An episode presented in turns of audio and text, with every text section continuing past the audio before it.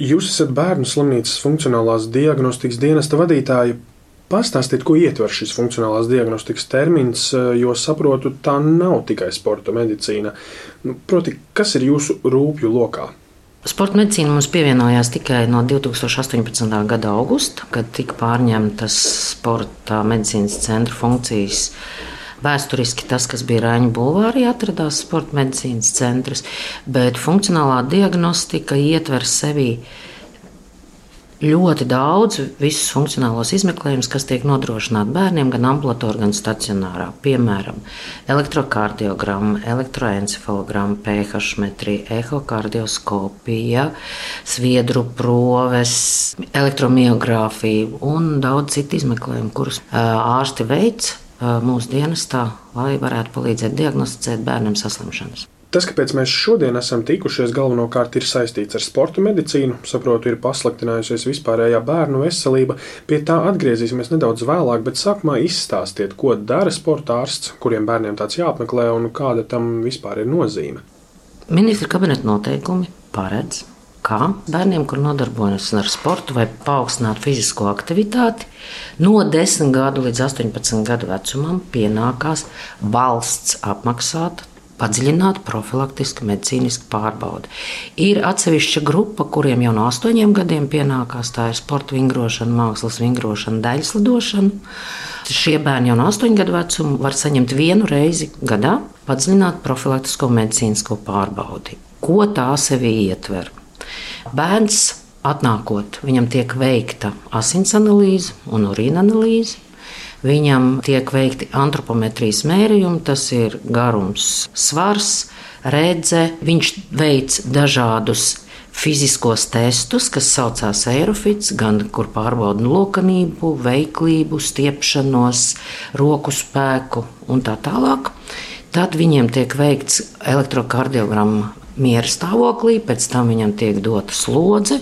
Tad viņi griež riteni, un pēc tam tiek vēlreiz veikta kardiogramma, lai pārbaudītu, kā bērna sirds izturās slodzes apstākļos. Un tad, kad visi šie dati šos bērnus ir veicis, tad viņš nonāk pie sporta ārsta kabinetā. Kamēr viņš šo veids, viņam bērnu slimnīcā tiek uztaisīts analīzes. Tātad, tad, kad viņš nonāk pie ārsta kabinetā, ārsts redz gan analīzes, gan kardiogrammu, gan visus šos testa rezultātus. Testiem, šim Eirofis testiem tiek uh, automātiski piešķirt līmeņi, vai bērna fiziskā sagatavotība ir zems līmenis, vidējs līmenis vai augsts līmenis. Atkarībā no nu, katrā grupā, kā jau teicu, gan loknībā, gan veiklīgā, katrā no šīm grupām tiek piešķirt līmeņi. Līdz ar to ir zināms arī bērna vispārējā fiziskā sagatavotība. Sportā ārsts ievāc anamnēzi, tātad vai vecākiem ir kāda problēma, vai pieņemsim, ja tās ir grupas, kuras ierodās, tad viņiem jau iepriekš vecāki aizpild šo anamnēzes anketu, kur viņi norāda, kas viņus uztrauc bērnu veselībā. Sportā ārsts pārbauda vēlreiz sirds atjaunošanās funkcijas, ir speciāli funkcionālie testi, ko viņš veids. Pārbauda pēdu stāvokli, stāju un visas orgānu sistēmas, un galā izdod slēdzienu, sportārs slēdzienu, kur norāda, kāda veselības grupa bērnam tiek piešķirta un kādas intensitātes treniņus viņš un sacensības viņš var veikt. Jāsaka, ka mums ir filiāls, mums ir filiāli Daugaupilī, Valmierā un Siguldā, kur mūsu uzraudzībā tiek veikts tieši šāds pats visu procesu kopums lai bērniem tuvāk dzīves vietai viņiem nebūtu jāpavada, pieņemsim, no Dārgopils trīs stundas ceļā autobusā un trīs stundas atpakaļ, lai veiktu šo pārbaudi. Vēl noteikti gribu uzsvērt, ka tas ir valsts apmaksāts. Tas visiem bērniem, kas nodarbojas ar sportu, pienākās bezmaksas. Un šeit noteikti, ja lielākā daļa sabiedrības saka, ka viss ir slikti Latvijā, tad šī noteikti ir lieta, ko vecāki nepaņem kas ir valsts apmaksāta, kas ir ļoti laba lieta, jo mums uh, uz vispārējās Eiropas Savienības fona šis komplekts, ko valsts apmaksā, ir bagātīgs. Uh, ir citas valsts, kur kardiogrammas neapmaksā vai apmaksā tikai vienu kardiogrammu, analīzes neapmaksā. Mēs to esam pētījuši, un šis komplekts tiešām ir bagātīgs.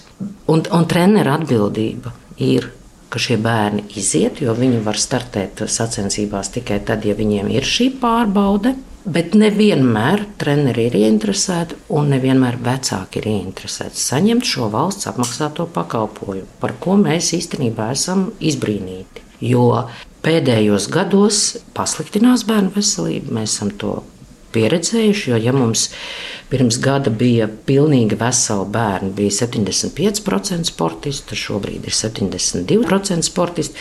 Mēs runājam par lielu skaitu, jo mēs katru gadu pārbaudām.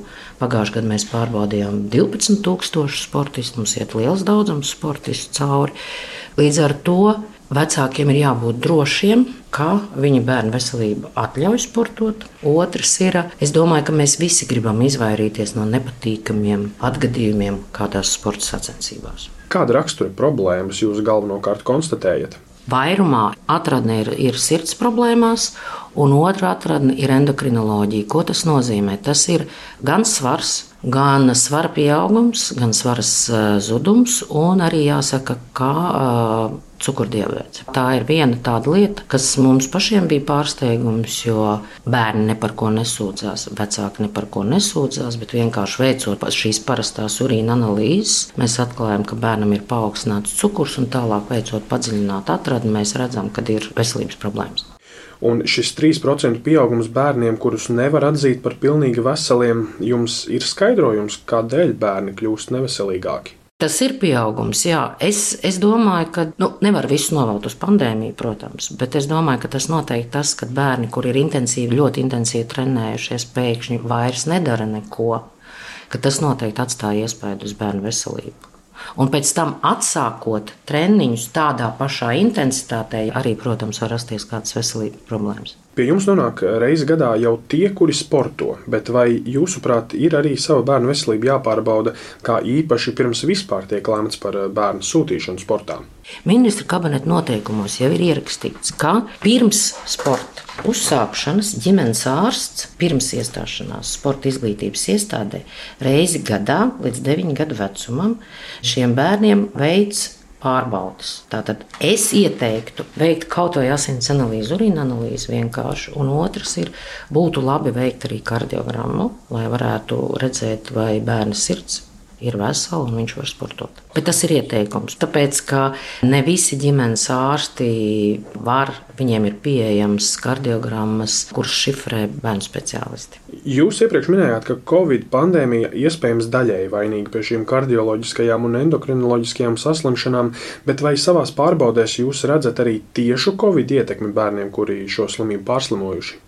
Jā, nereti mēs bērnus, tātad par cik bērnu slimnīca veic šos pētījumus par, par Covid pandēmijas sekām un garajiem Covidiem, tad nereti mūsu sporta ārsti ir Ja bērnam ir pastiprināts nogurums, nespēks, bezmiegs, šīs tipiskās eh, izpausmes, kas raksturīgas garajiem covidiem, viņi arī novirzīja šos bērnus pie mūsu pediatriem, kas nodarbojas tieši ar šīm covid seku precizēšanām. Jā, tāda bērna arī bija. Un vai jūs kā speciāliste arī varat izcelt kādu sporta veidu, kurš jūsuprāt bērniem nebūtu tas piemērotākais?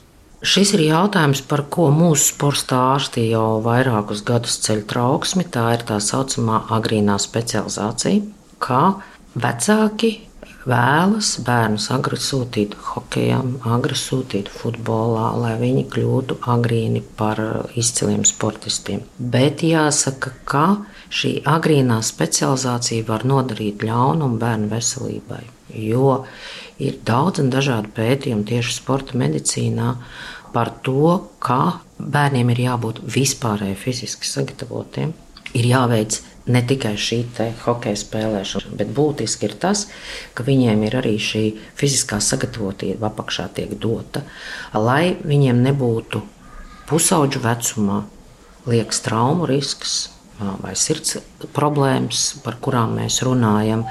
Jo visā pasaulē ir atzīts, ka specializācija, ļoti specifiska specializācija notiek vecumā no 10 līdz 12 gadiem. Mums jau trīsgadīgi bērni spēlē hokeja turnīros.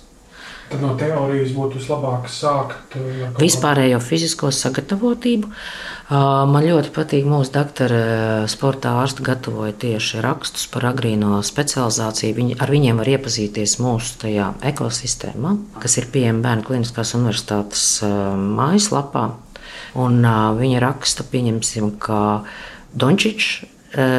Uh, Slavens basketbolists ar basketbolu sācis nodarboties 12 gadu vecumā. Viņš pirms tam ir nodarbojies gan ar judo, gan ar citiem sporta veidiem. Tātad tas, ka jūsu bērns vēlāk specializēsies sporta veidā, nenozīmē, ka viņš nebūs veiksmīgs sportists. Galvenais ir, lai nebūtu šie asimetriskie sporta veidi. Viņi ir ļoti apdraudoši bērnu veselībai. Agrīnā specializācija ir pierādīts, ka, protams, mākslas vingrošana, daļas lidošana, sporta vingrošana, ko mēs arī ātrāk pārbaudām, ka viņiem, jā, viņiem iesaka agrīno specializāciju, bet visiem pārējiem sporta veidiem neiesaka ļoti mērķiecīgi iet tikai uz vienu sporta veidu. Un cik bieži ir tā, ka atnāk bērns un jums viņam nākas pateikt, ka sports vispār vai vismaz tik aktīvā līmenī ir jāpārtrauc? Šis ir ļoti smags jautājums. Tādu bērnu nav daudz, tādi ir uh, uz vienas rokas pirkstiem saskaitām gadu laikā, gadu nogriezienī, jo tad mēs dodam to saucamo ceturto grupu. Tajā brīdī noteikti tiek uh, veikts konsultācijas ar speciālistiem. Uh, tā, tā īstenībā ir traģēdija gan bērnam, gan ģimenei. Tāpēc, ka mainās viss, ap ko dzīve griezās, viss vis psiholoģiskā atmosfēra, viss mainās. Šobrīd mēs šogad plānojam uzsākt um, jaunu veidu, ka mēs šiem bērniem um, stingrā speciālistu uzraudzībā mēs konsultējam viņus un nosūtām viņus uz sporta veidu, kas viņus netraumē tālāk. Mēs, tā, tā, tā ir tā mūsu iniciatīva, ko mēs šobrīd, šogad plānojam uzsākt.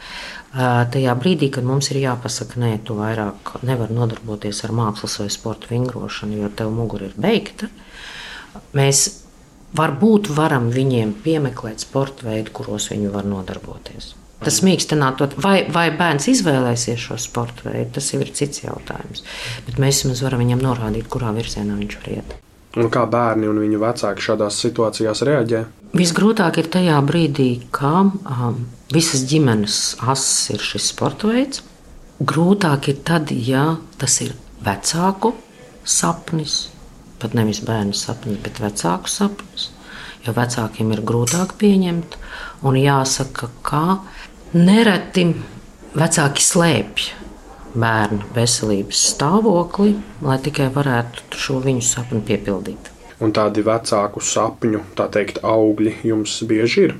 Es nemācīšu procentuāli pateikt. Tas ir ļoti grūts jautājums, bet eh, jā, sporta ārsta vizītēs sastopās ar šādiem faktiem.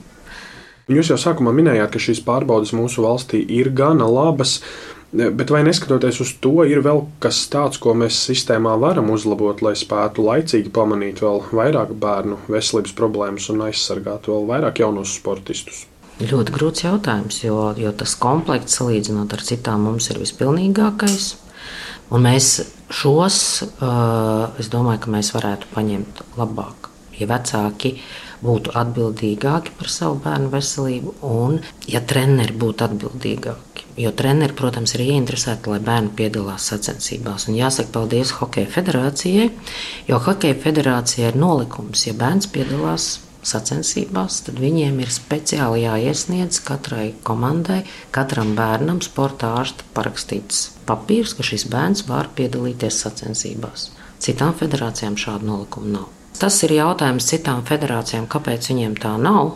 Jo treneri vienmēr vēlēsies, lai viņa talantīgais bērns piedalās, neskatoties, vai viņam ir veselības problēmas vai nav. Un noslēgumā es labprāt jums dotu vēl iespēju uzrunāt bērnu vecākus un trenerus, tomēr būt atbildīgākiem un vest mazos sportistus pārbaudīties. Kā jau es pieminēju, pats pats būtiskākais ir, kad mēs neviens negribam sagaidīt nelaimes gadījumus sporta laukumā, lielus nelaimes gadījumus ar sliktām sekām. Ir noteikti jāieklausās savā bērnā, ja bērns sūdzās par kaut ko no savas veselības puses. Nevienmēr mums ir laiks apsēsties ar savu bērnu, parunāties, bet tas noteikti ir tā vērts.